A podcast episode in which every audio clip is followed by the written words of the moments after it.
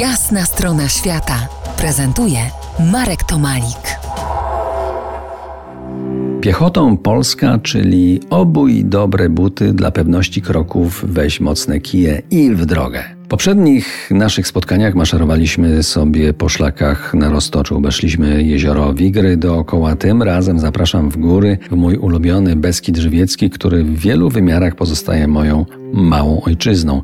I to po obu stronach granic państwowych zresztą. Otóż jest taka trasa, bardzo mało znana, która biegnie właśnie po większej części wzdłuż granicy ze Słowacją. Jest to tak zwany worek graczański.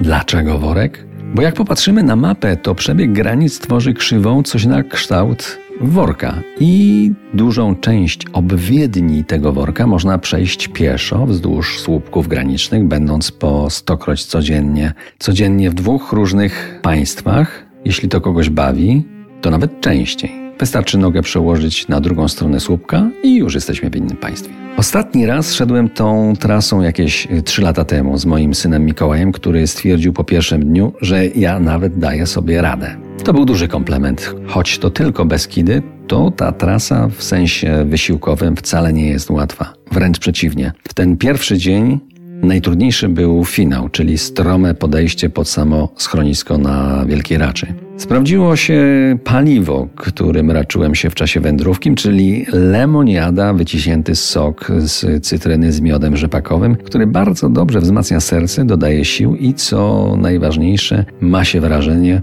że działa natychmiastowo. Dwa łyki Afryki i od razu więcej sił. Ale dopiero następny dzień otworzył przed nami wspaniałe krajobrazy, więcej otwartych przestrzeni, rozległe hale, łąki i polany i to poczucie wolności, po które idzie się w góry. To była dalej wzdłuż granicy polsko-słowackiej trasa na Rycerzową Wielką. Cóż za piękna nazwa góry i stojącej niżej bacówki schroniska. Kolejne 6 godzin marszu, a po drodze rezerwat Śrubita o adekwatnej do trasy nazwie, innymi słowy, niezła śruba. Widok, jaki rozpościera się przy zejściu na halę rycerzową, jest niemal nowozelandzki, czyli jak z Władcy Pierścieni. Po prostu pyszny, zapraszający, otwierający. Kolejny już trzeci dzień i kolejne sześć godzin marszu nadal wzdłuż granicy aż po przełęcz Glinka. I tam się szło i szło i szło, aż się zaszło na krawców wierch. Pięknie w słońcu i spokojnie.